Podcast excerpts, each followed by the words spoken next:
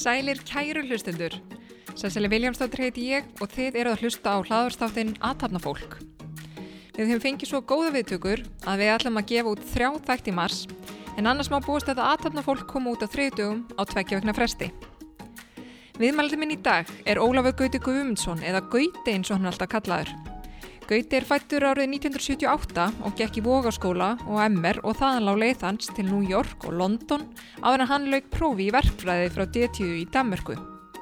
Gauti stopnaði hugbúnafyrirtæki Bókun árið 2012 á samt Hjalta Baldursinni en Gauti starfaði sem teknistjóri fyrirtækisins. Bókun býr jú akkurat til hugbúnað í kringum bókanir á ferðatengtri aftreyingu eins og nafni gefið til kynna.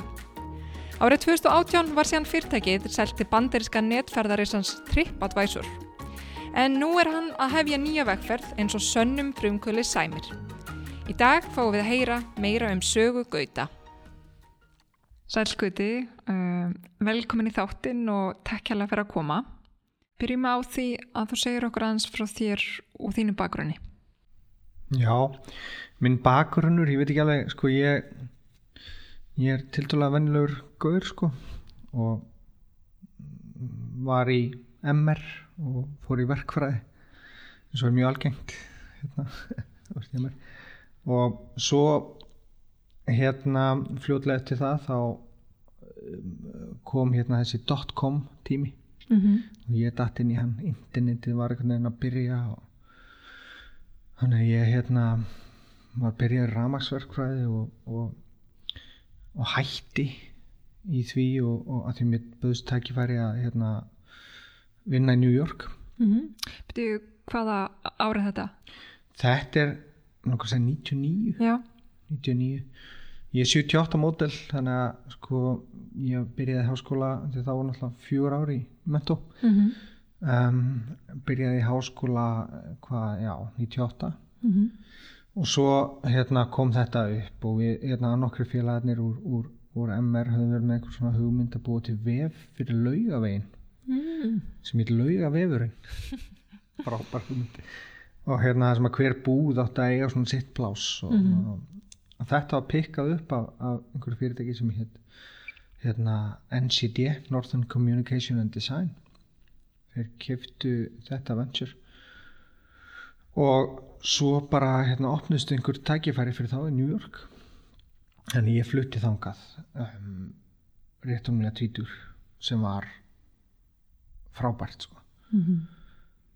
svona verandi þessi típiski íslenski smáborgari mm -hmm. að koma þangað út og bara svona lítið latrið eins og það er í lægi að eiga vini sem er ekki á sama aldrei þú eitthvað svona sem að mhm. hérna mér fannst það ógætilega skrítið fyrst og, og hérna, við fluttum í svona hverfi í Brooklyn þar sem að að fölta listamönnum sem byggjaður mm. og ég var bara útilega rúðustryggaður og það var frábær upplifin bara að sitja upp á þakki horfa yfir ána með kipa bjór og gítar og teppi eða eitthvað þannig að þetta var alveg ótrúlega þroskandi fyrir ungan mann að koma í þetta umhverfi. Mm -hmm ég held að það hefði gert mjög mikið fyrir mig. Þú veist bara skiptum umhverfi algjörlega og prófa bara þú veist að opna, opna augun sko.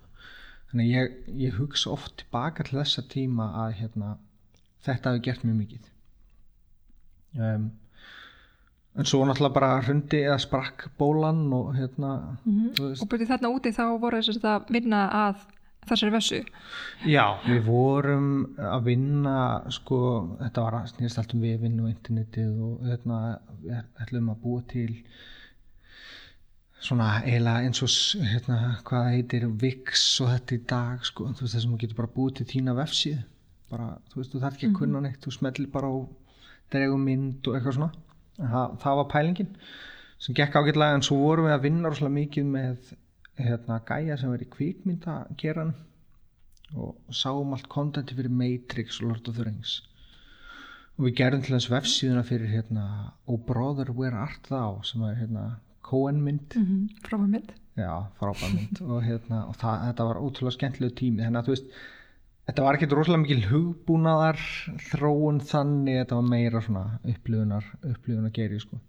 Svo hrundi það og hérna og fyrirtækið bara lokaði skrifstofunni í, í New York og þá flutti ég til London. Og ég bjóð þar einhver ár. Og af hverju ákast að fara til London? Uh, mér fannst London alveg rosalega óspennandi allavega með New York. Og mér finnst þannig ekki standast samanbörðin á mörgum levelum sko. veist bara skemmtistæðinir lokuðu klukkan 12 neðarlestinar voru lokaður á nóttinni og þú veist bara fyrir ungan mann þá var þetta bara alveg glata sko. en svo hérna óksun mjög mikið. En, en ástæðan fyrir ég fórðangað var ekkert útöksuð, það var henni bara þetta gerðist. New York var ekki option lengur, mér langaði ekki heim. Þannig ég fór til, fór til London og mér langaði einhvern veginn að þú veist elda þessa drauma e eitthvað frekar. Og svo hérna því ég er búin að vera þar held ég eitt eða tvö ár þá ákveði ég raunin að fara að klára námið og Og byrju, hvað varst að gera í London? já, þá vorum við raunin að halda áfram að þróa þetta, Já, þetta var ok. svona content management kerfi, svona já. vefsíðu kerfi en það var samt að fara meira svona yfir í svona enterprise content management þú veist ekki bara haldur um vefsíður heldur haldur um vörur og, og hérna alls konar þannig svona content og við sem sagt já, við erum þar ég, ég er þar einhver einhver heldur tvö ár og svo flutti ég til Danmörkur því mér langaði ekki eftir í háskólan í Íslandi, ég veit ekki af hverju það var eitthvað svona. Og þá fór ég semst í DTU og kláraði einhverja BS gráðu þar sko, svona upp til málamynda. Eiginlega meira fyrir pappa en, en, en mig sjálfan sko. Þetta ég held og skrítið að segja þá held ég í rauninni ekki þurft á því að halda sko. En, en, hérna, en það var samt rosalega skemmtileg reynsla og gaman að búa einhverju kollegi út í hérna, Nerum og, og, hérna, það var frábært. Og svo fór ég aftur til London eftir það. Ég var búin að vera í London uh, já, líklega til bara hvernig er hrunið? 2009 þannig ég held ég flyt ég flyt heim bara kortir í hrun sko. Og þá ég, ég er svona örverpi. Fóreldrar mínir eru og þú veist þau voru kringum færtugt áttu mig þannig að hérna mér fannst ég búin að vera svolítið lengi úti og þau voru að byrja að eldast og mér langaði veginn og svo er ég búin að kynast stelpu sem var íslensk líka sem að hefur alltaf áhrif. Og hérna þannig að þá ákvæði ég bara ég er búin að vera held ég í tíu ár eitthvað hjá þessu fyrirtæki. Og bara söðlaðum fór heim Og þetta fyrirtæki var bara ennþá í gangi og gekk bara ákveðlega þessi vara sem þið voru að vinnað. Já, það gekk mjög, mjög vel og var selt sko bara rétt eftir ég hætti fyrir einhverja miljarda til fyrirtækis í Kanada. Og hérna og það var ótrúlega skemmtileg verkefni. Ég vann til dæmis fyrir Sony Playstation veist, og var bara í Soho á skrifstofunum þeirra í örglega rúmt ár að hérna, hjálpa þeim að því að það var einhvern svona vefur sem átt að koma upp þegar þú kveiktir á Playstation tölunniðinni svo vann ég með Virgin og BBC og Shell og alls konar svona fyrirtækjum þannig að þetta var ótrúlega góð reynsla og, og skemmtilegu tími sko. Og byrju þitt svona hlutverk í þessu, þú varst að í rauninni hérna forrita Já, hérna hugbúnaðin. Já. algjörlega Minn, minn bakurinn hefur alltaf verið sko að forrita og svona þú veist þessi engineering partur af því um, en ég hef alltaf samt sko haft mjög mikið áhuga á því sem ég er að búa til og hvaða vandamála leysir. Þetta er ekki kannski, þú veist, algoritmatnir eða hérna, þú veist, þetta nýtti gritti eða hérna, bara hvað er við að svartímin og það allt saman eða meira svona, sko, ég get látið tölvuna leysa einhver vandamál sem ég er alltaf að lendi í eða einhver, þú veist, einhver segir þetta ekki. Og hérna, það þess vegna, nú kannski koma að því á eftir í viðtæki en, en, en eins og þegar ég fór að ráða fyrir bókun, þá var ég mjög mikið að leita að svona product engineers þú veist, einhverjum sem eru ekki bara uh, að hugsa um að forrita eitthvað heldur það að forrita er einhvern veginn tól sem þú hefur til þess að geta búið til eitthvað ótrúlega skemmtilegt mm. akkurat að hafa skilning á því að það sem vart að forrita að það sé að fara að leysa einhver vandamál mm það mun svo miklu sko. Akkurat. En þarna í rauninni, já þannig að þú sagt hérna flýtur eftir heim og Já. hérna, hvað tekur síðan við komin á klakan? Já, það sem tók við var um, ég var með eitthvað svona einhverja startup pælingar með félagum mínum í London sem bara gengu ekki upp það var líka mjög góðu skóli það var hérna hugbúnaður til þess að halda um, um fundargerðir. Og þú veist við höfðum fundi og hérna fannst alltaf flóki og mikið vissin þannig að við byrjum að skrifa einhvern hugbúnað til að gera þetta skemmtlera og auðveldara og meira svona actionable. Veist, af hverju erum að hittast og hérna, hvað maður gera eftir fundin og hvernig getum við farið yfir það næst ef við veist, hvað er búið og eitthvað svona. Og, og það voru svona ymsa slakk pælingar í þessu líka. En hérna, það allavega bara einhvern veginn gekk ekki upp og það voru enga tekjur og þú veist, eins og er svo oft í þessu og maður þarf tekjur. Og hérna félagi mín í London náttúrulega pínu dýrar að búa þar að hann fór bara í eitthvað annað og við bara skröppum þessu. Og svona, uh, já, svona, hvað var það svona ykkar helstu mistök, þú veist, í þessu, í svona ykkar svona fyrsta, fyrsta sprótafyrirtæki, náttúrulega fyrir utan kannski tekjurnar þá. Já, fyrir utan það þá held ég, þú veist maður fær alls konar hugmyndir og maður heldur þessu frábærar skilju og svo kannski bara mistökin okkar voru held ég að, að því við áttum eitthvað svona smá pening og svo bara við tökum þrjá mánuði þú veist, bara þurfum ekki að vera launum og hérna við forritum þetta kerfi sem í hausnum okkar var geggjað sko mistökin okkar voru þau að við prófum þetta aldrei á neinum skilju, svo bara kemur þetta út og hérna þá allt sem okkur fannst aðeins, aðeinslegt fannst fólki kannski ekki svo aðeinslegt. Þannig að lærdómurinn var þú verður að prófa þú veist, yttu fyrir eitthvað taktu hérna vikuna, smíðaðu einfaldari útgáfu, sínd einhverjum þetta fáðu feedback, skilju prófa, þú ert, maður heldur maður sé svo svakalega klár sko og maður sé með þetta allt covered sko Mm. þannig að það var svona lærdómurinn að því að hérna bara hérna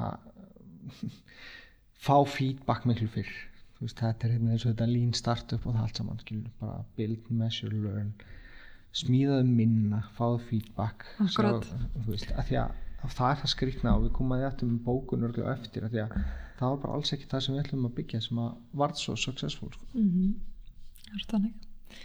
Og hérna já, þannig að uh, þú varst nú í þessu verkefni í, í svona frekar stuttum tíma.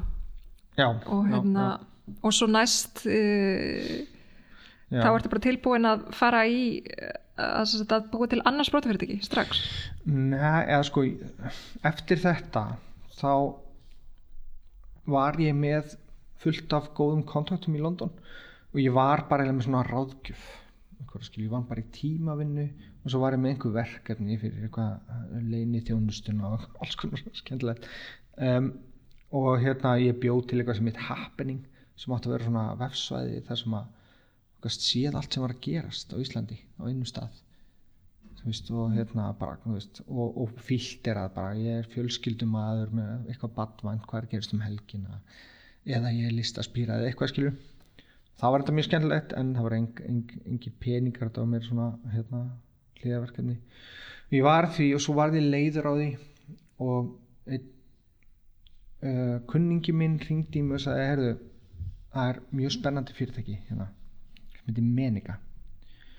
Og veist, það er bara vöxtur og var til ég að bara kíkja á þetta. Og ég gerði það og ég kom og hérna, fór í viðtali á Menika. Og það var til dæra lítið fyrirtæki þá. Ég held að veri, ég veit ekki 10-12 manns eða eitthvað svona, eða valla það. Og og mér fannst það bara ótrúlega spennandi veist, skemmtilegt og og hérna svona verkefni sem fittaði mínum bakurinn ágjörlega Og hérna Og- þetta var sem sagt, og er hérna fyrirtæki sem er að sem sagt, uh, já, svona hérna er í hérna fintech Já. og á þessum tíma hvað var það að gera þarna? á þessum tíma snýrist þetta rosalega mikið um það að hérna uh, í rauninni bara lesa færslulistæðin finna út hva, í hvað varst að eyða. Og hvernig getum við nota þær já, og hvernig getum við nota þær upplýsingar til að segja þér hvað ert að eyða miklu í leigubíla eða, þú veist, eða eitthvað og, og, hérna, og matvöru og, og þú veist, þú ert að eyða allt og miklu að vesla við hagkaup eða eitthvað svona. Og hérna og það voru svona lítlar upplýsingar sem þú fjekst úr fæslunum þannig að maður þurfti að vera að finna út einhver svona snjallar aðferðir til að hérna, bara sjá hvað, hvað varst að gera og af hverju og finna ykkur pattern í því. Og það var ótrúlega skemmtilegt. Og hérna og bara svo ótrúlega hérna hæfilgarikt fólk sem er sem var með það fyrirtæki og, og er með það sko Áskir, Viggo, Georg og, og Kó og bara ég ber svo mikla verðingu fyrir þeim. Og hérna og, og er ótrúlega þakkláttur fyrir að þeim fyrir að hafa gefið mér það tækifæri. Og ég fann mig ótrúlega vel þar sko. Mér finnst það ógislega kennilegt fyrir að vera að vinna alltaf einn og þegar ég svona sérstaklega áður en ég eignaðist börn þá var ég svona meiri B-maður heldur en A Veist, og, hérna, og fyrir svoleiðs fólk að vera að reyna einhvern veginn að selja sig út í tímavinnu og veist, það er stundum smá ströggl sko. þannig að þarna var ég bara komin og partur einhverju fjölskyldu og þetta var æðislegt og ótrúlega skemmtilegt. Og svo hitti ég minn gamla vinn Hjalta. Og við erum æskuvinnu við Hjalti við kynntust við vorum fjögur ára held ég Hjalti Baldursson og hérna hans bakgrunnur er svona hann er svona, svona semi-höstler skilur hann er hérna þú veist bara þegar vorum í grunnskóla þá kíkt hann alltaf á svörin mín í prófunum og hérna, hann bara rettaði sér skilur, hann, hann þurfti ekki að læra þú veist, var ég að læra þetta utan að allar ára á Íslandi, skilur, hann aldrei nota það. Kíkja bara svörin hjá Gauta passa alltaf upp á við sætum hliði hlið, ekkert vandamál og fekk góðar einhvernir og bara ekkert vesen. Og þetta lýsir svolítið vel veist, hann bara, skiljum við hann, hann, hérna, hann finnur alltaf svona kreatívar lausnir uh, á, á vandamálum og hérna og við hefum verið æskuvinir og hérna samt ótrúlega ólíkir í rauninni sko. Uh, ég er miklu svona kassalæðari á margan hátt heldur en hann. Um, og við hittumst og veist ég fluttur heim og hérna hafa svolítið mist sambandi við hann. Og við hittum ég held að vera á hótel Holti á barnum þar og þá fyrir hann að segja við mig sko bara, Guði, hvað getum við gert saman? Því hann hafi verið að vinna í fjármálagernum að kaupa og selja þú veist, einhverja banka í Lettlandi og þú veist, díla við rúsnesku mafíun og bara mjög mikil reynsla. En þú veist, var alveg til í eitthvað svona eitthvað startup sko. Og við vorum að tala ok, byrju, þetta er orkugerin sjávarútvöðurinn og svo mögulega sko túrismin og af þessum þremur þá var túrismin það var, það var einhvern veginn auðvöldast að komast inn í það. Þú veist, fyrir ekki að fara að kaupa skip eða, eða einhvern veginn að finna út hvernig þú byggir orkuver sko. Og, og þannig einhvern veginn hófust þær viðræður sko. Og byrju, hver er þetta? Svona 2012? Uh, Já, Eða hvað, þetta tólf? er örgulega í lok árs án ábyrðar Já. lok, eitthvað á svona... já, lok Já. 2011 byrjun Akkurat. 2012 Mhm. mm. sko. Akkurat. og, og þá kemur þessi, þessi umræð upp og hérna og, og við ákveðum að stofna fyrirtæki og Hjalti segi við mig herðu, hérna, ég skal bara funda þetta og ég var einhvern veginn svona svona gaur sem að þú veist, mér vantaði einhvern veginn svolítið er þetta að útkýra þetta en, en ég var alltaf rosalega efnilegur þú veist, í alltaf bara hæstur í bekkunum í grunnskóla og þú veist, gekk vel og eitthvað en, en svo einhvern veginn fannst mér þetta er svona sálfræðilegt issue sko en mér fannst einhvern veginn ég aldrei hafa náð því að vera meira en efnilegur og þó ég einhvern veginn lifði góðu lífi þá brann einhvern veginn innra með mér að þú veist langar að gera eitthvað sjálfur gera eitthvað, þú veist, búið eitthvað til. Og þó ég var í frábæri vinnu og frábærum hóp hjá Minika þá þegar hann stingur upp á þessu þá vissi ég bara að veist, farið ekki svona tækifæri oft. Mhm.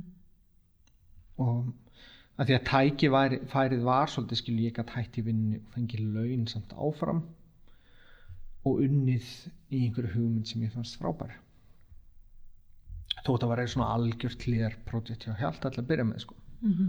því hann var bara að stýra einhverjum böngum og, og fjárfestingum fyrir stórfyrirtæki og hérna en hugmyndin var samt í raunin allt önnur sko. Hugmyndin var mjög svipuð hérna Guide to Iceland pælingunni. Að vera svona þessi online ferðarskristofa Já, svona markastorg fyrir ferð þjónustana. Já. Þannig að við ákveðum að búa til brand sem að hétt Best of Iceland. Og þar áttur bara að geta bókað bílalegu bíla og hótel og skiplat ferðin og upplifanir og þetta allt saman allt á einu stað. Og hérna og stoppa mig bara að vera hérna fara eitthvað einhverja viltar götur. En, en hérna Mm. þannig Já, sagt, já, þannig byrjaði þetta og við hugsaðum bara við verðum staðurinn svo ferð og bara bókar allt á Íslandi. Ísland er bara þú veist, það er bara hockeystick graf hérna í túrisma. Þó að væri mjög lítið þá sko með hvernig það varð. Og hérna við ætlum bara að taka þátt í þessu smíð eitthvað sniðut og við byrjum á því og hérna, og svo þurfum við að stopna eitthvað svona móðurfélag. Og Hjalti segir bara hvað með bara, við köllum þetta bara eitthvað svona þetta þarf að vera solid bara bókun. Og mér fannst það glata nafn sko. Þú veist hérna, en að því að það átti ekki að vera að fronta neitt þá sagði ég bara ok, skiptir yngur máli. Við lendum reyndar í, í átökum við endurskoðunar skrifstofu sem hétt bókun endurskoðun SF sem voru mjög ósáttir við það. Við erum náttúrulega ekki svo sem í samkeppni við þá sko þannig að, við fengum að halda nafninu. Og ég man við crowdsourcuðum hérna logoinn og þetta allt saman. Settum bara eitthvað 400 dólar eða eitthvað, ég held að það veri 99 designs eða eitthvað svona svipað. Og hérna bara að því að þú veist við ætlum að láta handa á Íslandi það var bara 700.000 fyrir logo eða eitthvað svona og það var bara, þú veist, við höfum 20 miljonir í heildina til að spila úr með launum og öllu. Og þannig að það var einhvern veginn maður reyndi að spara það sem maður gætt og reyndi svona, þú veist, að fara eitthvað svona kreatív leiðir og það var algjör snild ég fannst það. Og ég nota það enn, enn þann dag í dag sko. nota ég 99 Designs. Þú veist, þú skrifa eitthvað bríf og svo farið bara 200 tillögur skilur, stundum aðeins og mikið og, og þú gefur feedback og svona og mér finnst það algjörlega frábært. Þannig að við, við hérna, en bókun átti aldrei að vera neitt frontur það var eitthvað svona fjöll og eitthvað bókun og, þú veist, já, við erum bara sáttir með það sko. Og svo heldum við bara áfram að þróa þetta Best of Iceland. Við heldum að það væri málið og en til þess að vera með svona síðu þar sem að allir geta bókað allt sem er í bóði þá þarf einhvern veginn að hafa frambóð á bakvið það og þá fórum við að tala við hótelin. Og þau voru allir með einhver megakerfi sko. Þú veist uh, já ok, þið þurfa að tengjast þessu og þessu kerfi og stjórnum búin að hitta fimm hóteli og komið fimm kerfi síðan þetta tengjast skilju, og það, veist, það var vesen sko, þetta var ekki einfalt. Þetta er svona gömul legacy kerfi og svo fyrir við að tala við bílalegunar og það er bara ennþá verra sko. þau eru öll með kerfi en þau eru bara ógeðslega gamla sko. þannig að þannig að svona þú veist, enthusiasmi sem maður hafði það byrjaði svona aðeins að lækka að það var miklu flóknara en maður held og svo fórum við að tala við hvalaskóna fyrirtækinu og það sem maður kallar í dag svona experiences sem var kallað þá tours and, tours and activities sem var svona svolítið up and coming sko bransi sko Það er að tala bara Og- svona afturrengi fyrir þjónustu. já, bara þú veist já, þú þarft alltaf að gista og eitthvað svona og þarft, þú veist, að bóka flug til að komast þangað. En hvað ætlar svo að gera þegar komin skilur Mhm.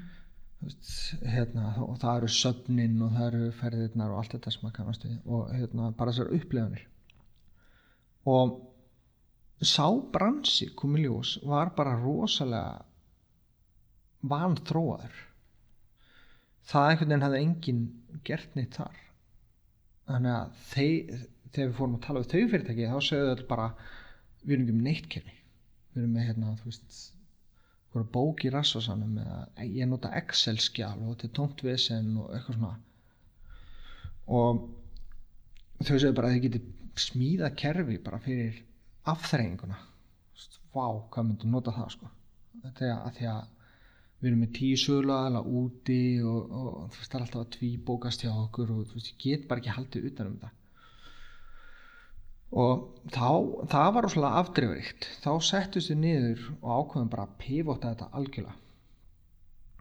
Og hérna að breytum hugmynd. Já, já, bara þú veist taka U-beigju eða Já. þú veist allavega, allavega 90 gráðu beigju sko, það sem að hérna frekarna vera þessi, þessi vefsíða, svona B2C hérna, mm -hmm. uh, vefsíða neytandan, já. Já, já, akkurat, takk fyrir að tíu þetta hérna, þá, þá ákvæðum bara að fara í að smíða kerfi bara eitthvað svona SaaS plattform fyrir, fyrir fyrirtækinni sem gera.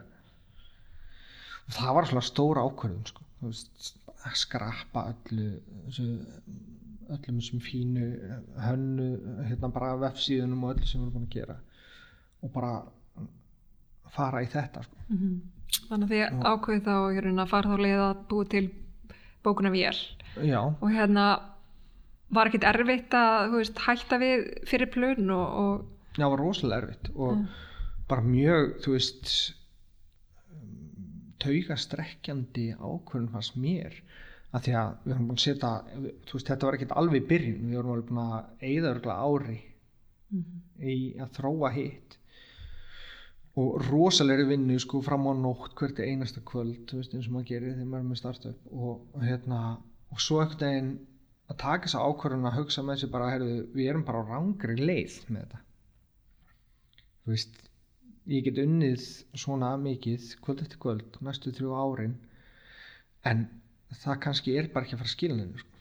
kannski erum við bara á vittlusi leið og þannig að það var rosalega erfið ákvörðun sko, að taka en, en rosalega góð ákvörðun og hérna þráttur maður sé búin að fjárfesta í því bara ekki bara peningum heldur bara ógeðslega miklum tíma og hugmyndavinnu og öllu þá er það einmitt svo mikilvægt að stoppa og hugsa byrju, erum við á rétti leið, erum við að gera rétt? Erum við að byggja réttu vöruna skilur og þú veist, mögulega hefði okkur gengið ágætlega með að hérna, byggja best of Iceland. Við bara við vorum ekki góðir í, í því sem þurfti eins og náttúrulega to Iceland gerði mjög vel og fleiri. Við vorum ekki Já, við, höf, við vorum ekki góðir því sko. En við vorum góðir í svona einhverju software og business to business og þú veist, þannig að við fundum svolítið einhvern veginn fjölun okkar þar. Og hann að við bara breyttum þessu og við hugsaðum með okkur ok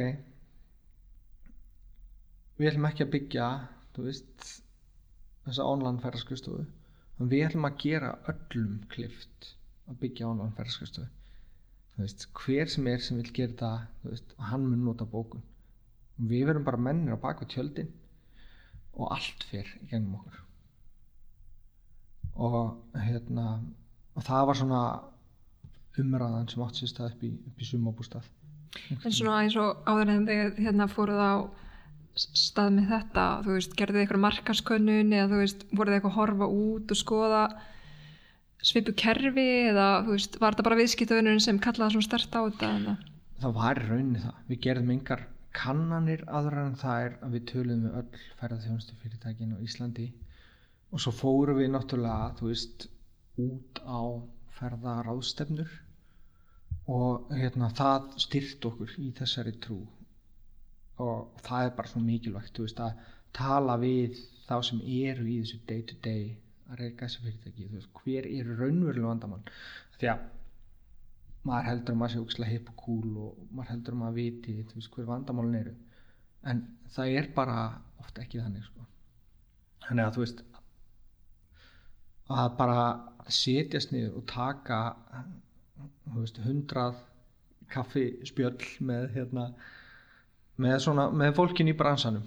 Það var okkar könnun í rauninni og þá bara gerðum við eitthvað bett með þetta og áður en við vorum búin að í rauninni gefa út hugbúnaðin fyrir experiences þá var bara, það var byðröð sko þannig að við vissum alveg ok, það er, það er þetta er, hérna, við vitum eða ekkert hvað við erum að gera og það er samt byðröð hjá okkur sko. bara fólki sem vill þetta og Það er kannski svona tíminn þegar maður áttur sig á að maður er með eitthvað í höndunum. Þetta er náttúrulega kannski það sem allir frumkvölar eru doldið mikið að leitast eftir. já, akkurat Akkurat að hérna, algjörð luxus að vera með, já, með rauðin og var hann ekki tilbúin. akkurat sko, að því að þú veist við vorum hitt sem var ánum ferðarskristónu voru að tala við hótelin og svona þau sögðu bara, þú veist strákar, ég er með hundrað aðala nákvæmlega eins og ykkur sem við erum að selja í gegnum þú veist, ég með alveg hérna, vera með í því sko versus þetta, þarna var bara okkur vantar þetta tilfinnanlega. Við höfum ekkert skilju og þá einhvern veginn bara og við veðjum svolítið mikið á þennan afþrenga gera sko. og þar var langmesta þróun okkar og langmesta bara einhvern veginn sko, eftirspurnin. Þannig að hérna, þetta gerðist rosalega organíst og, og hérna þú veist þetta var ákveðin hefni alltaf, líka skilur bara tímapunkturinn og Ísland og, og það allt saman og eiga fjallajökull og þetta allt saman skilur gerði mjög mikið fyrir okkur. Ferðarþjónustan að fara á fullt. ferðarþjónustan á fullt og hérna og bara allt í einu varstu með fullt af fólki sem að þurfti einhvern hugbúna þannig að það fór rosalega vel að stað. En svo var annað moment líka sem ég man mjög stert eftir sem að hérna sem að hérna breytti mjög miklu hjá okkur. Og það var um, ég man eftir þess að við sátum hjálpum einhverja skrifstofu svona auka skrifstofu í Akaralind í Kópái og það er eitthvað svona öryggismiðstöðin og það var ekki mjög aðlandi hverfi fannst mér veist, og ég satt fekk svona hérna skrippbord á gangi því við höfum bara mist skrifstofun okkar sem var hérna á lögu og ég satt bara á gangin það var vinnuspeysið mitt. Og ég man hérna eitt kvöldið þá fengum við þessa hugmynd að búa til sem við kallum marketplace skilur að opna upp að ert með svona software as a service plattform þar sem að hver og einn er með sitt hólfaða af svæði þar sem þú ert að halda utan um þín gögn. og þau spillast ekki á milli skilur, þú veist, þú átt, átt þitt svæði. Og við fórum að hugsa hvað gerist bara ef við opnum þetta? Lögum fólki að vinna saman. Og þannig að hvala skoðunum fyrirtæki getur fara að vinna með rútufyrirtækinu og þú veist, þau geta búið til vörur saman og eitthvað svona. Og svo gerðum við hérna prototýpa á þessu og fyrir forðun og místökja mér þá fór hún í loftið sem átti ekki að gera sko. og ég man eftir þessu daginn eftir þá hérna þá var bara búið að gera 40 samninga millir fyrir Ok. þú veist, var, við vorum ekki búin að auglýseta þetta, þetta, þetta var bara, bara algjörlega óvart sem á marketplace linkurinn einhvern veginn datt séð önnur fyrirtæki bara mm -hmm. propósað samning það var bara allt að gerast og þetta varð bara væral þetta gerði það að verkum að bókun náði 95-6% af öllum fyrirtækjum í experiences á Íslandi Vá, það er ekkert smá, 96%. það er bara crazy sko Og í rauninni það sem þá, þá hérna, var að gerast að það var kannski önnu fyrirtæki að fá aðra inn í, í rauninni ykk- eitthvað vöru út af því að þau vildu vinna saman. Já. Já. Þú veist, það er í ferðarþjónustu er rosalega mikil samvinna. Þú veist, þú ert með hérna, ferð upp á jökul, þú ert ekkert bara einn með það fyrirtæki bara algjörlega hólfa af. Þú ert að vinna með ferðarskastöðum, þú ert að vinna með rútufyrirtækjunum, þú ert að vinna með alls konar aðilum í bransanum. Og það að geta bara opnað þetta og sagt, heyrðu, ok, þið eruð hérna líka búum vörum til og það kemur bókun til okkar þá veist þú líka af því þannig að þú veist, þú ert með rútuna ég með hérna, ferðina á jökulinn þú ert með transportið báðir aðlar meðvitaðir veist, og þetta fittaði bara frábærlega. Og þetta var bara væral. Og hérna kúnarnir okkar urðu, þú veist, sölumenn. Þú veist, þeir voru að segja bara, heyrðu það er bara langa auðveldast fyrir mig að þú ert líkin í bókun þú veist, þá bara sérðu þetta strax, skilju. Fyrir en ég þurfa að vera að senda einhverja e-maila eða eitthvað svona, sko. Þannig að hérna og það bara, þá, þá sprakk þetta algjörlega út, sko. Þannig að það var rosalega svona eftirminnlegt moment þegar þetta gerðist og sem var eiginlega óvart. Akkurat. En náttúrulega er svo oft hérna, rauninni, eitt er að búti vöruna og svo, svo hittir að marka sitt og selja og svo þarna eru þið náttúrulega komin í, í hérna, kjörstöðu sko með að fá akkurat viðskiptavinnin sko til að selja fyrir ykkur. Já, sem já, náttúrulega, náttúrulega lækkar allar markas og sölukostnað. já algjörlega sko. En það vorum við, við vorum aldrei með marketing eða sölu. Við einhvern veginn um, það þurfti bara ekki. Það, bara, það var bara byðröð sko Já, náttúrulega það sem virðist til að vera þá að gerast að þeir eru náttúrulega bara með réttu vöruna á hérna réttum tíma sko. Veist, tímasetningin skipti öllu máli sko akkurat. öllu máli ef við ætlum að gera þetta í dag þá ertu með tíu mjög góð fyrirtæki sem að geti líka litið til sko.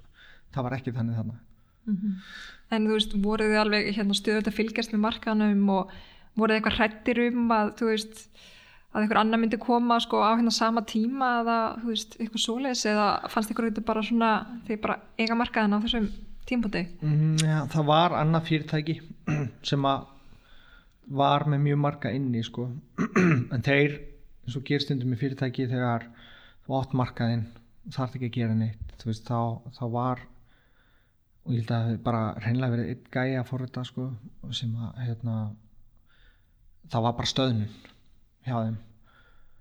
Og allum markaðurinn sko, þá er ég að tala um þetta svona markaðstorg að mann getur tengst og selt hver fyrir annan. Það var fyrirtæki með það en þeir voru bara einhvern veginn ekki ekki búin að þróa þetta nægilega vel. Að hérna þegar við opnum þetta þá sem er auðvitað sorglegt þá dóu þeir skilur og ég var alveg með samanskupið hérna í þessum tíma yfir því sko. En, en, en samt þú veist þá getur maður alltaf pínu sjálfum sér um kent þegar maður hérna staðnar og, og hérna heldur ekki áfram sko, hlustar ekki á allar þessar rattir sem eru rópandi á þau sko kringu þau já Já, herðu, já, ok og þið hérna opnið þetta í rauninni hérna marketplace Já. og hérna allt fyrir á flug já, já, já. og hérna hvað gerir svona, svo, svo svona næst hjá okkur? já, svo náttúrulega bara Eh, Þarna á þessu tíma eru þá bara tekinur orðnar hérna nokkuð góðar og, og hérna fara vaksta, hérna, og hérna fara vaksandi eða? Já, það voru svona, við vorum í alls konar tekjumódelspælingum. Fyrst þá byrjuðum að taka komissjón og hérna, sölu þóknun af, af, af hverjir bókun og, og hérna, sem er í rauninni rosalega gott fyrir þá sem eru litlir og er að byrja. að Þetta kostar ekki neitt. En það er mjög erfitt að fá þessa stóru inn að því að þú veist, akkur er þeir að borga þér 3% eða 5% af sölunni sinni að því að sko í ferðarþjónustu þá er bara rosalega há söluþóknun til að ná til kunnans þannig að þú veist bara við þekkjum með booking.com þeir eru kannski bara rauka 20% í bara þóknun sko. en þetta er ekki til einhver 3% sko. þetta er bara einn fjórðið eða einn fymti af sölunniðinni er að fara til einhver svona aðala og menn bara er rosalega brendir af þessu og hérna, við prófum þetta mótel og hérna, bara litlu fyrirtækinu þau sem voru að byrja voru bara að gefa þetta annað með þetta sko. En það voru ekki miklu tekjur. Og þá horfðum við til hérna Salesforce. Og sem var svona þetta fyrsta stóra SaaS success í rauninni sko svona globally. Og við hérna þá voru þeir með mótel þar sem þeir rukkuðu bara per notanda sem notar kerfið. Og, og það var ekki ódýrt samt sko. Þannig að við hérna ákvæmum bara að færa okkur yfir það prófa það. Og það var alveg töluverð óanægja með það fyrst sko.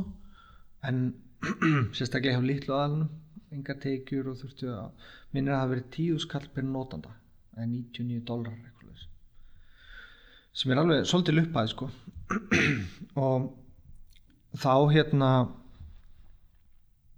já en þá breyttist mjög mikið sko. þá fengum við inn stærri aðalana líka og hérna sem voru bara til í þetta sko. Og þó þeir eru að borga fyrir tíu nótendur eða eitthvað þú veist þá var það bara lítill kostnaður fyrir einhvern veginn frábæra virkni. Og þarna var þú komin akkurat með þetta áskriftamódel, já, greiti bara mánægilega eða þá ás, áslega vantala og hérna, já. já það var bara mánaðilega hjá okkur einu sinni, við buðum ekki einu sinni upp á hitt sko. Og, og svo hérna og það bara virkaði fárlega vel. Þá voru bara allir komnir break even og, og meir en það. Og svo meir en það. Og, og þá fórum við bara að reyna að ráða sko, fólk. En eins og þessum tímpóndi, hvað er þið mörgum það? fjögur held ég. Já, svo. og hjalti svona part-time. Og svo það var líka svona tímapunktur þegar hann ákveður bara hætta í vinnunni og koma inn í þetta fullu. Það, hérna, það var líka mjög skemmtilegt sko. en já, við held við séum bara svona fjögur, fimm og það var ótrúlega erfitt að ráða fólk. Og hérna þegar þú ert svona lítið fyrirtæki bara og ætla að ráða einn í viðbútt þá þarf hann að vera frábær sko. þú veist, þú hefur eiginlega bara ekki hérna, þú veist, þetta er eiginlega bara það mikilvægast sem að gerir ráðningar. Þú veist, ég hef alltaf átt að meira og meira á því að finna rétta fólkið og hérna, það skiptir svo miklu máli að þau getur tapað svo miklum peningum og tíma á því að ráða inn vittlusa fólkið það bara það, við gerum það líka alveg sko. en, En svona, hvað reyndist vera svona best í því til dæmis að að velja rétti fólkið? sko network ráða fólk sem að annarkvort þú þekktir eða eða, eða, eða einhver sem þú þekktir þekkti og þú veist að því að hitt er rosalega mikið gambúl á þessum tímapunkti. Og það var ógislega erfitt því veist þetta er tíminn það sem að sko plain vanilla skilju CSCP allir þessi sem svo útrúlega sexy fyrirtæki. Og við erum bara bókunarkerfi það er bara þú veist, við áttum ekki breyk sko. og fara að reyna að selja fólki það, einhverju talent fólki sem er að útskrifast hérna, það er bara komið inn hjá okkur og ég fekk alls konar spurningar ég sapnaði þessu saman tímili ég ætlaði að gera fyrirlestur um þetta. Af því að ég held skilur ég er að bjóða þér vinnu en þetta var miklu meira svona byrjuð, hvað getur þú gert fyrir mig? Eru þið, ekki með kaffiróbot? Og ég sem kaffiróbot, Hva, hvað er það? Já, plain vanilla eru með kaffiróbot. Ég átti ekki orð sko ég segi við erum með kaffi, þú veist þú var ókipis kaffi hérna vinnur bara mjög gott kaffi en hérna erum ekki með róbot þú veist hvað gerir hann, já hann keirir um skrifstofuna eða þú veist það gerir eitthvað og þú veist þetta á fullt einhver svona. Er, já þeir eru með bortennisborð en er ekki með fúsballborð nei, við erum ekki með það við erum bara lítið pláss hérna og hérna bortennisborð tekur mjög mikið pláss, dúhopp erum með það við deildum hæð með dú og hérna þannig að þú veist maður var bara þetta kom mér rosalega óvart að hérna að þetta var miklu meiri sölumennska. Þú veist ég held einhvern veginn fyrst ef fólk vant að vinnu og hérna þetta er spennandi verkefni og svona. En allt í henni þurfti maður að gera þetta miklu meira svona sexy sko heldur en þetta var í rauninni sko. Þannig að hérna það var líka mjög lærdónsíkt sko. Og, og svo náttúrulega eftir að trippa það sem kemur inn í þetta það, það var þetta náttúrulega bara alveg annað level sko það hjálpaði rólega mikið til Þú veist. Ég ger hér stutt hlið til að segja þér smá frá kostunar aðlum þáttarins. Fyrst má kynna til sögunar ösku, þar sem hægt er að kaupa bíla frá Mercedes-Benz, Kia og Honda. Að sjálfsög eru rafbílamálið, ef ekki bara út frá umkursjónarmiðum, heldur er mjög gaman að keira rafbíl. Hann er hljóðlátur, kröftugur og snarpur. Það má síðan ekki gleyma að tryggja sig hjá vís, en þau bjóðu upp á hagstæðar líf og sjúkdómatryggingar sem eru ódýrar en margir halda, einlega á sama verði og mánuði. Ég sit hérna og les upp þessi skilaboð með eldhitt kaffi frá kaffi tárkaffehúsinu. Það sem ég hati ekki taknina, þá nýtti ég mér snildar vildakosti þeirra sem er hægt að hafa bara á símanum, ekkit vissin. og aftur að viðtalinu. En þarna á þessum tíma þá er að bæði tekinn að byrja að aukast og Já. teimið að stækka. Og hérna og svona hver voru eitthvað svona framtíðarplön þú veist á þessum tímabóti þannig bara alltaf heims yfir ráð sko. það var alltaf planið. Við, við einhvern veginn við sáum og ég heldum líka bara hort svolítið á eins og menika með það að, að því að strákarnir menika voru alltaf að tala um sko, Ísland er geggjaður pælutmarkaður og það satt svolítið mikið í mér. Ég hugsa, við hugsaum alltaf bara þetta er, þú veist, Ísland er geggjaður pælutmarkaður fyrir svona vöru þú veist, experience er svona þú veist, frábær túrisma markaður alls konar upplifanir veist, og þetta er í rauninni mjög flókin bransi uh, versus gisting eða eitthvað svona, svona bara alltaf að selja rúm eða herbergi. Og hérna en þannig að við vorum alltaf þó við hefum svona svolítið dottið inn á þetta þá sáum við fljótlega tækifærin.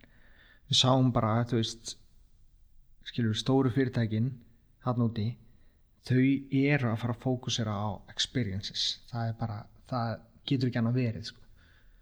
Þú veist, þetta er flug er búið skilur gisting, bílalögur eitthvað, þetta er næsta. Þannig að og en við fórum mjög sérstakar leið í sko markaðsetningunni ef að maður má segja það að því að við náttúrulega kunnum ekkert í því uh, og erum ekki sölumenn. Þannig að við ákvaðum að kaupa miða á dýrustu ráðstefnunar út í heimi. Og svo skreiðum við kynningu og þegar ég segi dýrustu ráðstefnunar þá er ég að meina sko ráðstefnur þar sem að sko executives í stóru fyrirtækinu fara mm. forstjóri booking.com skilur, forstjóri, hérna, þeir mæta ákveðnar ráðstefnur og þú þarf bara hennilega að borga slatta til að geta verið með smá einhverja kynningu þar Mhm. ekki þessar stóru hérna lögadalshöll ferðastefnir sem út með einhvern bás og það er einhver hérna látt í goggunaröðinni sem tekur höfðu bækling þú veist við hugsaum okkur við getum reynt þetta, við getum reynt eitthvað online marketing, við það ekki neitt sko. þannig að við hugsaum bara ok hérna prófum bara að fara og reyna að ná eirum hérna executives, hérna stjórnendana En eins og þarna, þú veist, var þá tilgangur með í rauninni bara að selja þá strax fyrirtækið eða þá í rauninni bara að, þú veist, reyna að, þú veist, fá fleiri viðskipt á hérna og komast inn á fleiri stöðum þessum tímbúti. Já, á þessum tímapunkti ég held sko, þú veist, markmið var alltaf draumurinn var alltaf skilur að selja fyrirtækið Mm. og hérna, Svo setna mér. já, einhver tíman en hérna eh, auðvitað vildum við sko að sem flestir myndum nota þetta en við hugsaum bara að þú veist, þetta er krúsjál tími sem er framöndan að því að hérna, þetta er svona að gerast og við þurfum að taka, hoppa hérna, taka shortcutið Mm. og hoppa og ná decision makerunum hérna, þeim sem taka ákvarðanar og hérna, þannig að það var svona svolítið ástæðan fyrir því að við fórum þessa leið En eins og þegar þið fóru hann út, hvað voru þið að þú veist, uh, hvað voru þið búin að vera lengi með, með félagið? ah, góð spurning þú veist, ég held að þetta sé svona ég held að þetta sé 2016-17 þá byrjum við á þessu á fullu. svona fjög-fimm ár já. á, á þá engug á íslensku markaðanum. Já, að mestu leiti vorum aðeins konir svona eitthvað inn í Skandinavíu og eitthvað, þú veist, eittu fyrirtæki Breitlandi en það var mest Ísland og hérna við vissum ekkert alveg hvernig við ættum að þú veist, við réðum einhver sölukonu í Kanada því að Kanada er með svona svipaðar upplifun svolítið, s- þú veist, það er kvalaskoðun og alls konar svona eitthvað jöklatengt eða skilur ís og, og, og hérna og það gekk ekki vel sko. Þú veist það var bara svona sölukona á gamla tímanum skilur þetta var bara þetta svolítið fyndi sko því að við hefum náttúrulega normali hefum að farið bara í eitthvað online marketing eftir þú veist software og eitthvað svona og við vorum að ráða eitthvað bara sölumann skilur, sem er að ringi fólk og, og það er líka svolítið hjalti hann kemur einhvern veginn bara þú veist, og ég segi, heyrðu, hérna, um ekki bara setja hérna á neti og hann segir bara, akkur ekki bara ráða einhvern sem ringir í þúsund manns þú veist og að því, þú veist, þá bara talar við fólk og þú heyrir skilur, og ég var bara, nei það er svo gamaldags og eitthvað svona sko. en svo, svo, svo skríti að það virkaði oft betur sko. en allavega í Kanada það virkaði ekki mjög vel það var bara einhvern veginn gamla mótilið og, og hérna mm veist, og kannski var hún bara ekki alveg á neitt sko. Akkurat. En hérna, hvernig var svo á þessar ráðstöfnu, segir Hérna sem Já. fóruð út. já, það var það var frábært sko, en þú veist, þetta er svolítið skrýðin tími að því að stofnum bókun þú veist, svona formlega stofnum fyrirtækið held ég februar 2012 en svo gefum við út held ég bara kerfið 2013 í apríl eða eitthvað svona. Og þú veist, þannig að það var svona, þú veist, ég hugsa alltaf um einhvern veginn 2013 er þetta fór á stað? Um, en svo 2013 þá eignast ég mitt fyrsta bann og á þessum tíma veist, það, og það bara tók svolítið toll sko. Það er náttúrulega bara einhvern veginn veist, verandi bímaður hef ég vaknað sko millir 6 og 7 núna í að verða 8 ár sko. Sem var reyndar frábært en það er önnur umræða. Um, en sem sagt sko við förum út í þetta og að fara á þessar ástefnir og það var ekki alveg auðvelt fyrir mig að stökkva út með unga bann og vera í tvær vikur í Singapur eða eitthvað skilur en fyrir Hjalta þá það var hægt sko. Og stundum þetta var kannski svona stýttra frá þá fórum við báðir og svo sendum við Hjalta er henni bara í heimsreisu sko. Og hann stóð sér ótrúlega vel í því og þá vorum við bara að gera eitthvað kynningar. Já, og þá var hann bara að fara á milli ráðstöfna, bara með já, hérna. já. Og eitt sem ég man sem við gerðum sem virkaði ótrúlega vel var það að við sögðum í kynningunum að þetta væri besta kerfi í heiminum. Við vorum ótrúlega kokki fyrst sko þá vorum við það ekki. Þá vorum við bara hvernig þetta er hérna þú veist og fókusa svolítið á bara hvernig þetta er hérna sparaði tíma og gerir þetta og eitthvað svona. Og svo breyttum við því og sögum bara herru, við ætlum bara að vera ótrúlega rókafullir eða skilur við með þetta og segja bara að þetta er, þetta er bara það besta sem þú færð sko. og það virkaði og sérstaklega þú ert með þessa executives hérna, þessa stjórnendur það er bara það sem svolítið þeir eru að leita að skilur og við skrifum þessar kynningar og svo fór Hjalti í heimsins og stundum var hann að hringi í mig stundum tímann á nóttinni og var stattur skilur einhvers staðar í Tókjó eða eitthvað og, og hérna og þannig að hann fór og, og hitti fólk. Og hann er ótrúlega strategískur þú veist þegar hann mætir ráðstefnur. Þannig alltaf að reyna að finna fá upplýsingar út af fólki. Ég er svona bara vá hvað gaman að vera hérna á skál og hérna, þú veist, svolítið þar. En hann er svona, byttu, byttu, byttu hérna, þessi, við þurfum að tala við hann. Og hérna hann, er rosalega góður í því og það bara virkaði. Og á einhverjum tímapunkti þá kom bara hérna gaur frá TripAdvisor sem að ég held ég hitti og, og fannst það interesting sko. Og þannig einhvern veginn byrjaði sá bolti að að rúlla sko. Og náttúrulega TripAdvisor, það er uh, bandarætt fyrirtæki og, og náttúrulega bara alg- algjör ísi í já, svona ferðarþjónustu á netinu. algjörlega og þú veist, ég veit ekki hvort það er endilega þannig í dag en þarna á þessum tíma um að ferðaðist einhvert þá voru allir með TripAdvisor logoið, þú veist, í glugganum eh, skilur vildi allir fá hátt reyting á TripAdvisor. Bara fáránlega þekkt vörumerki út um allt.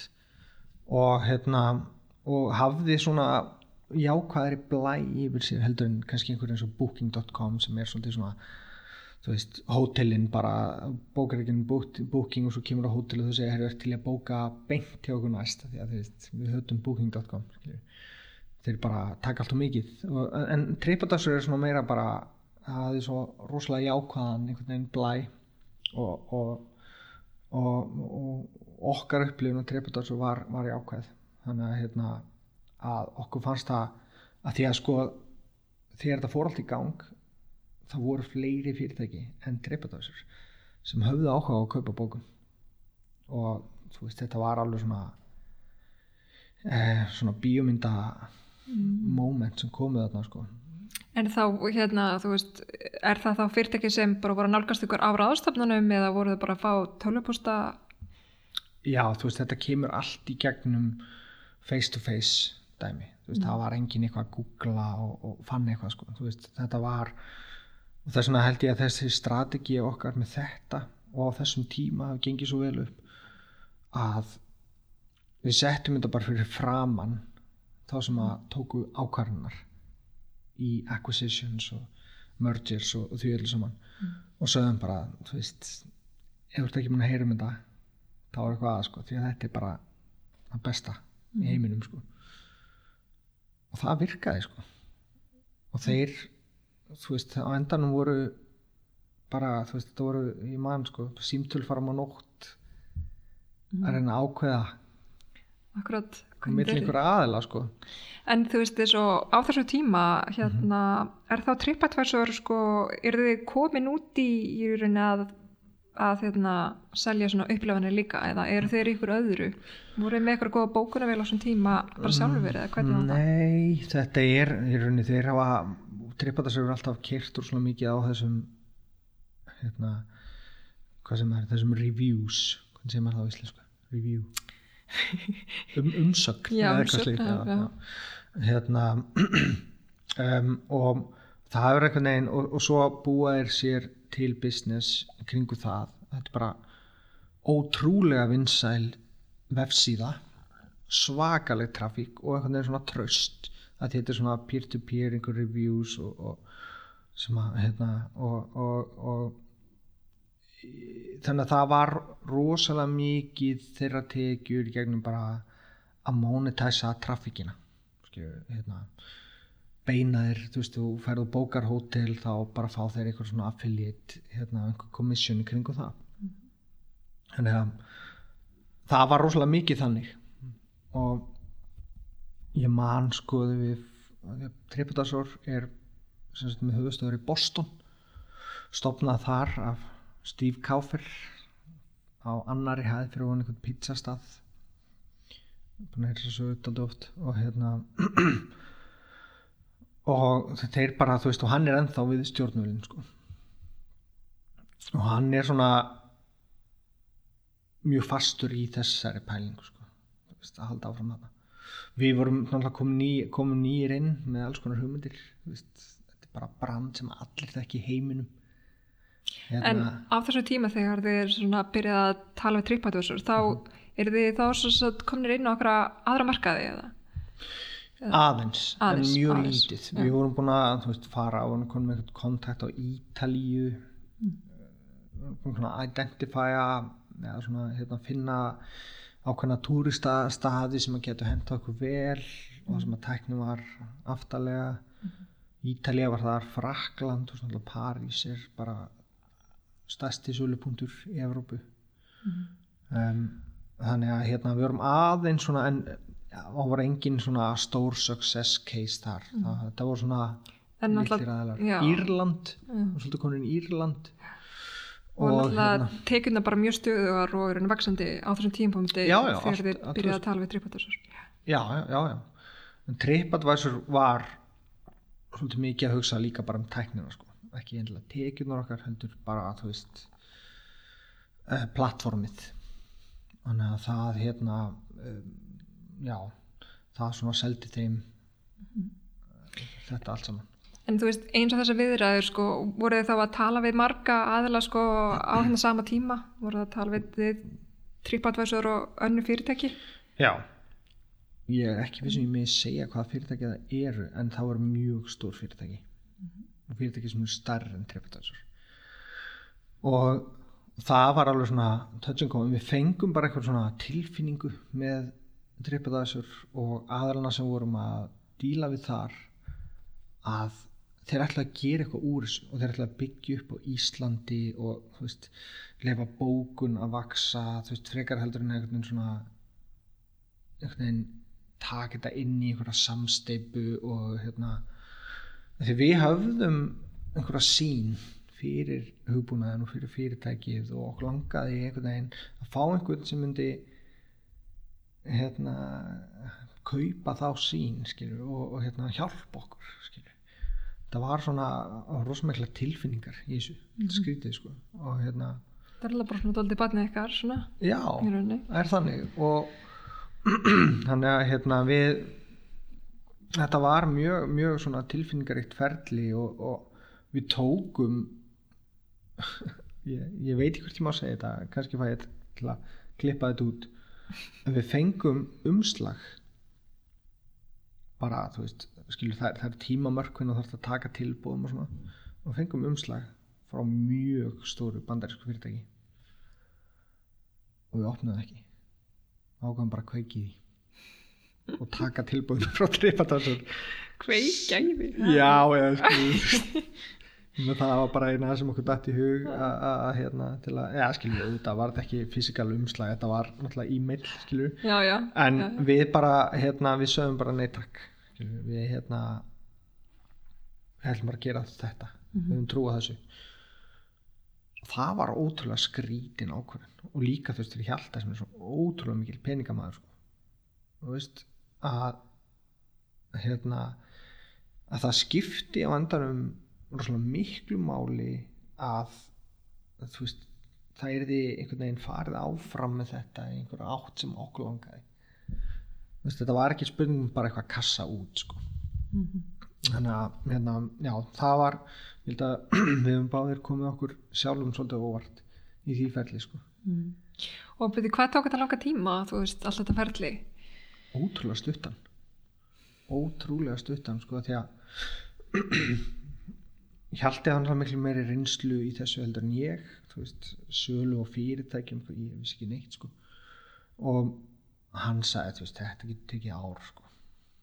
Bara, veist og þetta getur klikkað eftir 11 mánuði skilju, þú veist, og svona og bara mjög mikil vantingastjórnun á, hjá mér sem var rosalega spenntur. Um, en ég held að fyrsti fundur hafi verið bara í lóki janúar og þetta var tilkynnt miðjan april og fyrir þetta já fyrir, svona ferli þá er það bara frekar stutt tími sko. Mhm. já, þetta var til dæla einfalt skilur Mhm. lítið fyrirtæki fáir eigendur Og byrju, hvað er um svona mörg að þessum tíma? Þannig að þegar, ég held við séum 15 já, já, minni það en sko það sem þeir eru að kaupa, þeir eru bara að kaupa í rauninni eins og þú segir sko bestu vöruna, Já. eða tæknina og, og bestu vöruna. Og það var svona það sem þið höfðið í rauninni kannski fram yfir þá aðra lausnir á, á hérna markanum. Já, að því að þú veist markaðurinn okkar var svolítið bara Ísland sko, við áttum Ísland. Já, og þeim fannst það reyndar alveg frábært. Þeir sáu, þú veist hérna að því Ísland er og var hérna svolítið framalega teknilega séð í ferðarþjónustunni og þú veist, þú gast bókað allt í gennum neti á Íslandi og hérna í gennum símaðin og svona versus fórst til Rómar og þá var þetta bara að ringja sko. Um, þannig að hérna þeir sá mikil tækifæri í því. En, en já, þeir voru ekki að kaupa kúnan okkar þeir voru að kaupa uh, kerfið okkar. Tæknina og, og náttúrulega fólkið í kringum það sko. Og hérna þannig að, að hérna, það, var, það var mjög skemmtlegt ferli að taka þátt í og alveg bara ótrúlegt. Ég stundum hugsa að ég þurfa að skrifa það nýður og enni gleymi. En hérna ég voru ekki eftir að gera það. Var þetta ekki svona tökka trekkandi einhvern veginn að, að hérna fara í gegnum þetta? Jú, og sérstaklega þú ert að nefna tölur. Það fannst mér erfiðast. Mér fann, ég, veist, ég, ég svafi ekki nóttin áður og þar var svo gott að hafa held veist, svo komu tækni umræðnar og þeir eru með einhverja sko, svakalega spaða sem komu að rýna í tæknina. Og ég hef bara engar ákjörð því sko, gæti svarað öllu ekkert vissin en síðan að hérna síta fyrir framann þú veist einhverja presidents og hérna þú veist og fara að nefna einhverja tölu. Að því að þú veist ég hefði selt þetta fyrir miklu minna sko, skilur og þar var svo gott að hafa hjalta sem að bara hafði selt einhverja banka og bara þú veist og hérna hafði bara rosalega litla að tapa skilur, já mér var þetta alltaf bara allt undir sko svolítið, þannig. Og hérna að það var svona eftirminnilegasti punkturinn og ég var, þú veist, ég hugsaði bara ég horfi á þennan punkt hérna vegnum þegar Hjalti segir hvað þetta er sem við viljum fá og af hverju og svo ætla ég bara, ég ætla bara ég ætla ekki að sína eins viðbrið og hérna og ég gerði það all ég horfði bara á vegginu þegar það var mm. þetta ég væri bara eitthvað zombi sko. En ég, þitt pokerface. já, ég var bara, ég var svo einbeittur að vera með pokerface. Að hérna, ég þurfti að vera þarna. Ég gæti ekki komist hjá því. En ég mátti ekki, þú veist, einhvern veginn Mhm. gefa miklar vísbendingar. Þannig að það var hérna mjög það var svona, já, erfiðasti parturinn held ég Og enda þetta svona á svona svipið stað og þau vilduð? Eða, Já, frá segi, við, við sögum nei Já. við tilbúði það var reyndar líka sko bara og eh, mér fannst það bara út í hött sko, að segja nei skilur. og þar kom Hjalti inn og segja bara treystu mér sko veist, að að það var annar bær líka sko og hann sagði þeir komum tilbaka sko. Og ég, það var önnur söflaus nótt hjá mér sko. Þú veist, ég bara, ne, bara tökum þetta skilur, hvað kjátt er þetta? En það var alveg rétt þeir komu aftur sko. Og, og hérna og við, ég man svo skýrt eftir þessu. Við fórum til Seattle við heldi og sátum einhver svona sem er frábær borg hérna sátum um, við á einhverjum bar. Vorum að ræða þetta. Vorum held ég á leiðin á einhverju rástefnu uh, í LA og þá segir Hjalti við mig, heyrðu það, við þurfum að fá þetta fyrir fyrirtæki veist, og þetta verður náttúrulega bara menn að fá sér bjór og láta sér dreyma þannig upplýði ég þetta skilu og bara ég bara já, nákvæmlega, það væri geggjað. Og þar kom einhver tala upp. Og svo svo hérna hjælt, þessi bara svolítið í þeirri tölu þegar þetta gerist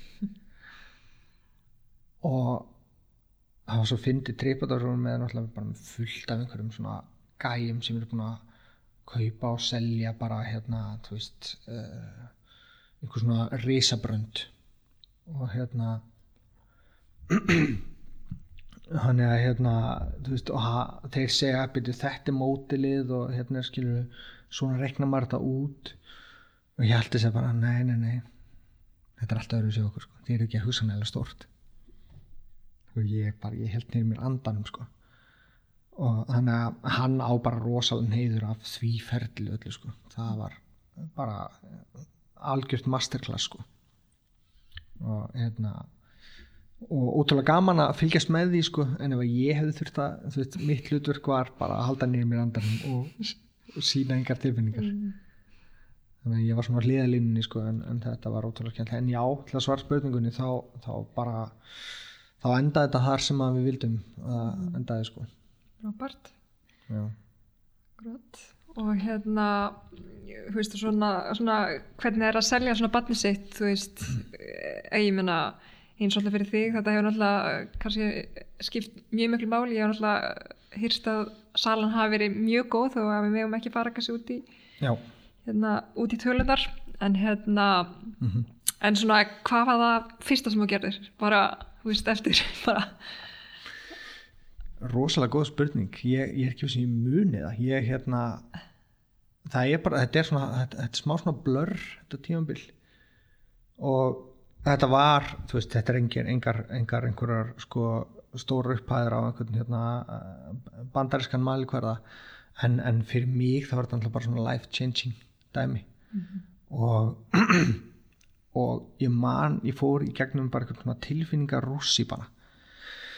Þú veist, þú ert búin að vera að vinna bara öll kvöld og allar helgar og alla daga og einhvern veginn láta þið dreyma um þetta gerist.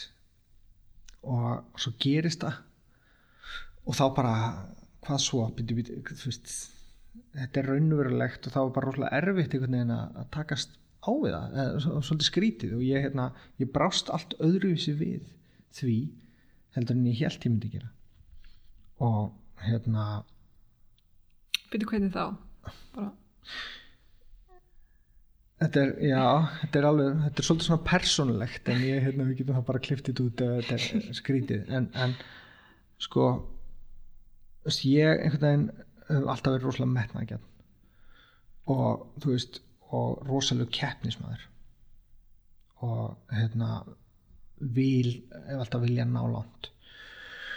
Og mér fannst einhvern veginn ég vera bara svona gaur sem var rosalega efnilegur en þú veist, svo var það ekkert úr hann bara hann er að vinna einhverstaðar og gerðist ekkert skilju. Og ég bara mér langaði það var svona svolítið driving force. Ég ætlaði bara að sanna fyrir heiminum skilju ég gæti þetta. Og hérna og það kerið mig áfram og mér langaði bara þú veist, ég ætla að þessi og þessi ég er betri en þeir og ég bara þú veist, það kerið mig alveg áfram. Og svo þegar þetta gerðist þá vildi ég að enginn vissi að þessu.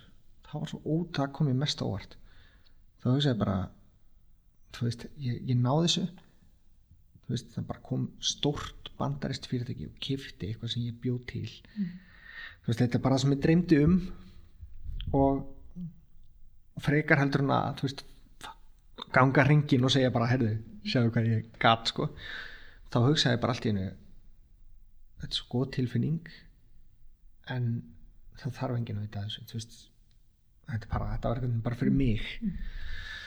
Og það var rosalega skrítin viðbröð því ég þekkti ekki alveg sjálfa mig í þeim viðbröðum, ég mani sagði ég held að getur sleppt nafninu mínu hérna úr fréttatilkynningunni. Okay. ótrúlega skrítið mm. og, en það var eitthvað bara veist, þetta var þetta var nóg þetta var, þetta var staðfestingin sem að ég einhvern veginn þurfti á, á einhverju þú veist, svo náttúrulega endanum er þetta hefni sko en, en hérna, en enga síður þá var þetta einhvern veginn bara það sem ég þurfti og, og, og, og hérna og þá bara það var nóg sko. Mm -hmm. það var tróðskiti En svona breytist lífið svona mikið við söluna, þú veist, bara svona persónulega Það... Já, já, já, auðvitað skilur það breytist skilur úr því að vera ströggla við að greiða einhverjum mm. húsnæðislánum yfir það að geta bara þú veist, keft sér hús og mm. þú veist, þessi litlu hlutir og hérna þú veist, ég maður er náttúrulega í því eins og held ég bara og það er held ég ástæðan náttúrulega líka fyrir að fólk er með þess að drauma að búa til sitt eigið og eitthvað svona að menni eru bara veist, að horfa frá einum launatekka yfir þann næsta sko. Veist, það er allir bara með það er ekki efni á því að kaupa sér hús í dag og borga það. Það er bara, það er ekki hægt. Hvernig ætlar að sapna þér fyrir því? Það er bara, það er ekki hægt. Þú leggur ekki fyrir 50 skall á mánuði og, hérna, og borgar út skilju einhverja fastegn mm. það er bara mjög erfitt. Og hérna hann er að, að, að sko já, það, það breytti mjög miklu veist, ég var náttúrulega bara í þeim pakka mm -hmm. og, og, og hérna og allt í hennu, þú veist, gæt maður bara slappa svolítið af að því að sko ég er eitthvað algjör eðslu kló veist, ég er svona mér finnst svo gaman að, að bara gera alls konar hluti og ferðast og fara út að borða og ég er alveg afleitur í að spara peninga sko þannig að þú veist, ef ég fæ fullt af pinningum þá veist ég bara, wow, hvað er gaman að eigða þeim. En þannig að hérna þannig að, en, en, en þegar þetta gerist þá, uh, náttúrulega eins og maður þarf að gera, þá færður bara ráðgjafa, skilur mm sem að hjálpa aðeins. Um, en þetta, já, þetta breytir rosalega miklu fyrir okkur, sko mm -hmm. og, og hérna já. já. En hérna þið hérna selið hérna fyrirtækið og, og náttúrulega byrjaði að vinna hjá uh, tripadæsar hvernig var það? að svona fara frá því að vera frumkvöld og hafa fullastjórn á vörunni og allu og svo ertu komin að þenni stórfyrirtæki og já, já, já. vöruna? Já, það var um, mjög spes þú veist, maður átti þessu svolítið á því í due diligence ferlinu þegar við heldum fyrir til, nei, til hérna Boston að þá erum við að hitta ég man ekki hvort það voru tíu deildir veist, sem er að spyrja okkur úr spjörunum. Og það var, veist, já, auðvitað tækni, veist, engineering. Svo er það, hérna, alls konar aðra deildir. Og svo er það bara tax deildin og svo er það bara, hérna, svona hvað heitir hún? Hérna, svona diversity og equality og eitthvað svona sem að sko Hjalti er e, minnst PC maður sem er noktum en þetta sko. Ég var alveg nálum þar en, en, en þú veist alls konar svona deildir og, og hérna alls konar checkbox sem þú þurftir að tekja í sko. Og TripAdvisor er sko við erum rosalega hefnir með yfirmann. Þú veist gæjan sem aðrunni spottaði þetta og, og hérna hafið trú á okkur og hérna hann gaf okkur ótrúlega mikið frelsi. Hann sagði við okkur þú veist, þið eru búin að smíða hérna eitthvað kerfi með, þú veist fjóra forritara og einhverja þú veist um, sem er bara á heimsmælkvæða og við viljum gefa því einhvern veginn næringu til þess að vaksa frekar heldur en að bara veist, taka þetta inn í stóra batterið og gera allt eins og veist, það er eitthvað svona secret sauce í gangi hérna og okkur langar bara að læra því. Og það var frábært. Og ég hérna bara þó ég hef nú síðan að ljúka störfum hjá Tripadvisor bara og, og bókun sem er alltaf kaplaskipti bara núna næstu vik mm. þá hérna hef ég, ég hef ekkert slemt um þetta að segja hjá Tripadvisor en, en verandi bandarist fyrirtæki þá eru hins vegar alls konar flækjur auka flækjur og vesen sem alls konar svona ringir sem þú þarfst að hoppa í gegnum mm -hmm. Ætla, bara með starra fyrirtæki já. en já, þannig að hérna, þeir seljið hérna, fyrirtæki 2018, þannig að þú veist mm -hmm. þú ert alveg búin að vera að vinna hjá Tripatröður þrjú ár já. og hérna, og ert núna hægt og er ekkit erfitt svona að hérna, skilja við þannig að kapla þínu lífi og þess að veru í, bíl, jú, jú. í bílallana Það er, jú, það er sko í rauninni erfiðar heldur en ég held sko, því að það sem er erfiðast er bara að skilja við fólkið veist, við erum búin að vera að byggja upp teimi, frábært teimi þarna. Og, veist, og hérna mér finnst það erfiðast að þú veist, manni finnst á einhvern hát að maður sé að bregðast þeim skilur, að fara. En á sama hátt þá held ég bara skilur, þú veist, þú ert búin að vera á einhverjum staði nýju eða tíu ár þá þartu líka feska vinda. Og ég held að endanum þá verður það mjög gott fyrir fyrirtækið fyrir að hafa þessa gömlu hunda þarna alltaf út í hodni um, en það það er, þú veist, þetta er svona barni mann sem þú sagðir á hann um, og það er sko miklu auðveldara fyrir mig eins og ég segi sko bara að skilja við tæknin á plattformi og þú veist ég er, alveg, ég er alveg tilbúin að gera eitthvað allt annað núna hvað það var þar en þetta er svona soldi eins og maður sé bara ég veit ekki þú veist að skilja fjölskyldun eftir og þú veist flytja eitthvað annað, ég veit ekki það er, það er svolítið tilfinningin sko mm. en, en ég held að verði á vandanum öllum til góðs mm -hmm. En hérna hvað er svo framöndan hjá þér núna? já, já, akkurat við hérna þetta er svo skrítið, ég var búin að ákveða það að hætta á þessu ári og ég ætlaði að bara ekki að vinna í hálft ár. Mér langaði bara að hérna veist, maður með alls konar side project sem maður hefur aldrei tíma til að sinna.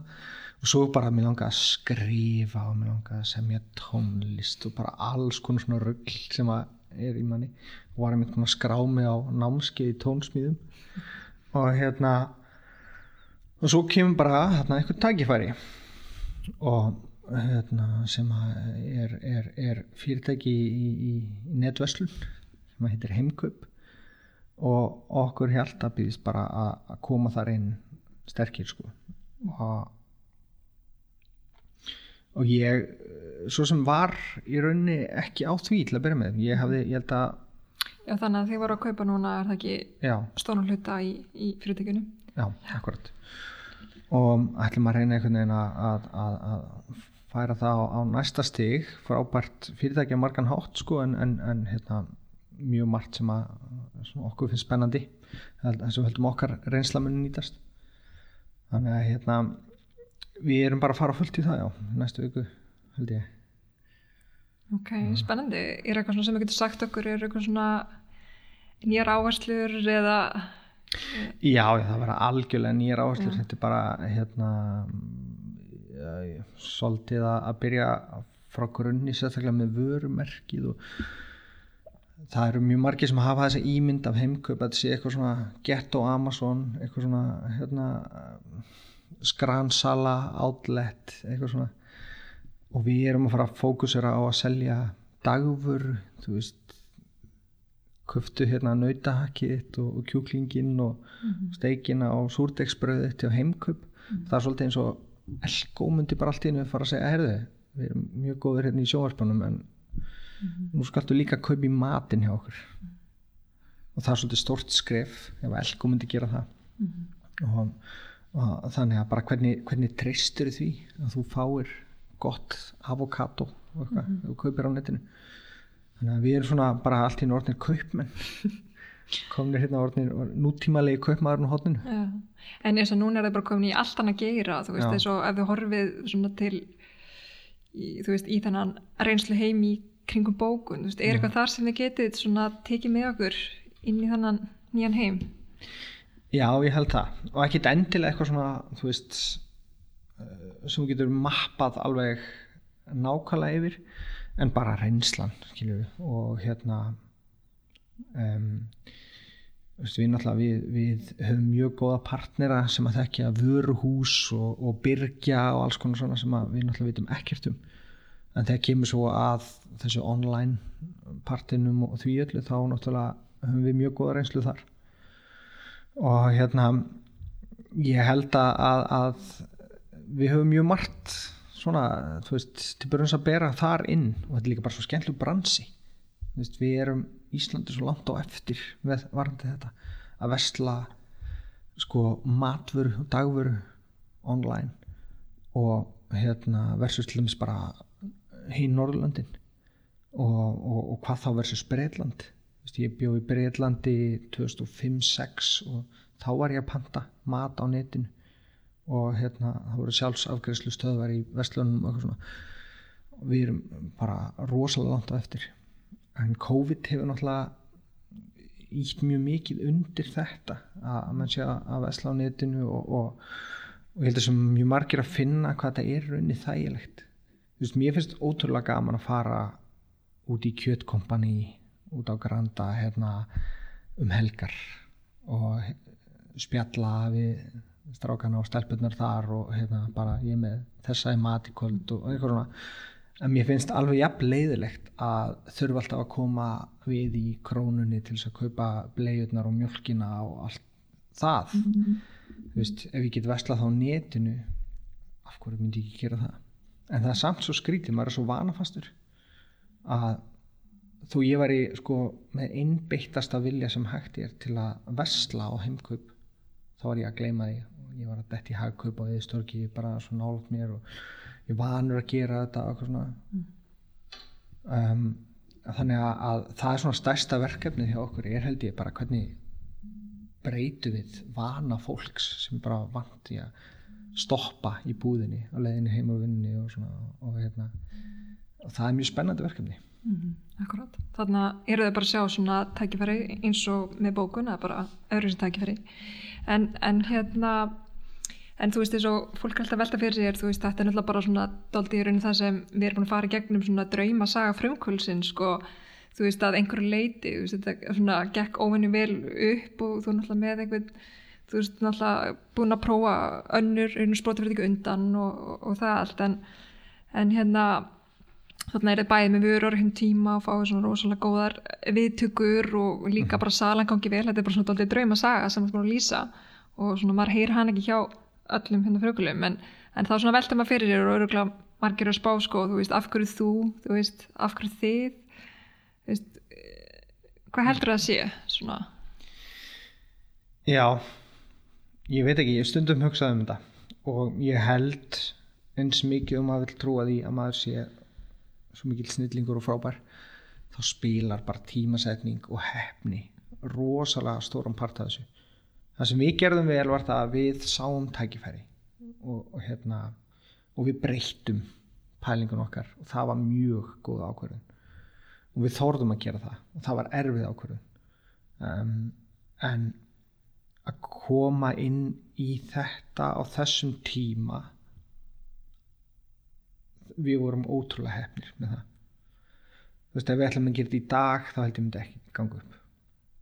Þannig að, að hérna að jújú, auðvitað tókum við góðar ákvarðanir og krúsjál ákvarðanir en án bara hefninar og tímasetningar þá hefði þetta aldrei gerst held ég. Og það er bæði skemmtilegt en líka pínu þú veist kannski svona uh, erfitt að horfast í auðu við það eða skilur við, þú veist, að því að ef maður langar að gera eitthvað og byggja eitthvað upp þá bara er hefnin svolítið partur af því sko. mm. þú getur verið með eitthvað frábært og, hérna, og það einhverju luta vegna þá hérna, gengur það ekki upp sko.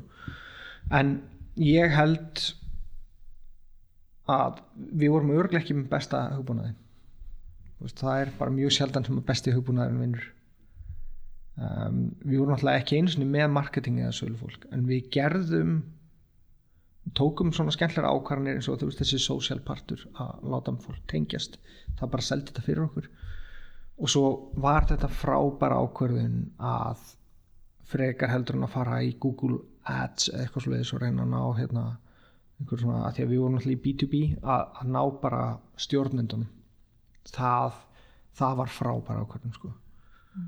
og ég held að við hefum ekki gert það þá hefum við ekki selt fyrirtækið. Mm um, þannig að þú veist þú getur verið með bestu verið í heimi en svo er svona hlýðar ákvarðanir sem að einhvern veginn eru krúsjál sko það er bara því miður eins og maður vil trúa því að besti hugbúnaðurinn muni alltaf vinna það er það bara ekki þannig sko mm. það er bara oft, oft hins egin að mm. hérna, þú þarf að koma um fyrir augur réttra aðela til þess að ná gegn sko mm. Það er bara þetta samspil það er bara, all, að bara allt koma saman á réttum tíma. Já.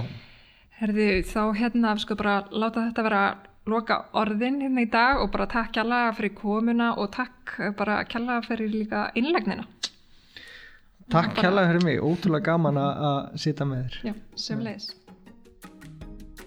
Ég hviti þér sjálfsögðu til að fylgja okkur á hlaðvarpsveitunni þinni og samfélagsmiðlum En í næsta þætti tekjum við talveg ynga aðra en raðfrumkvöðulegna Áslögu Magnúsdóttur, stopnanda tískufyrirtækjana Móta Operandi og Katla.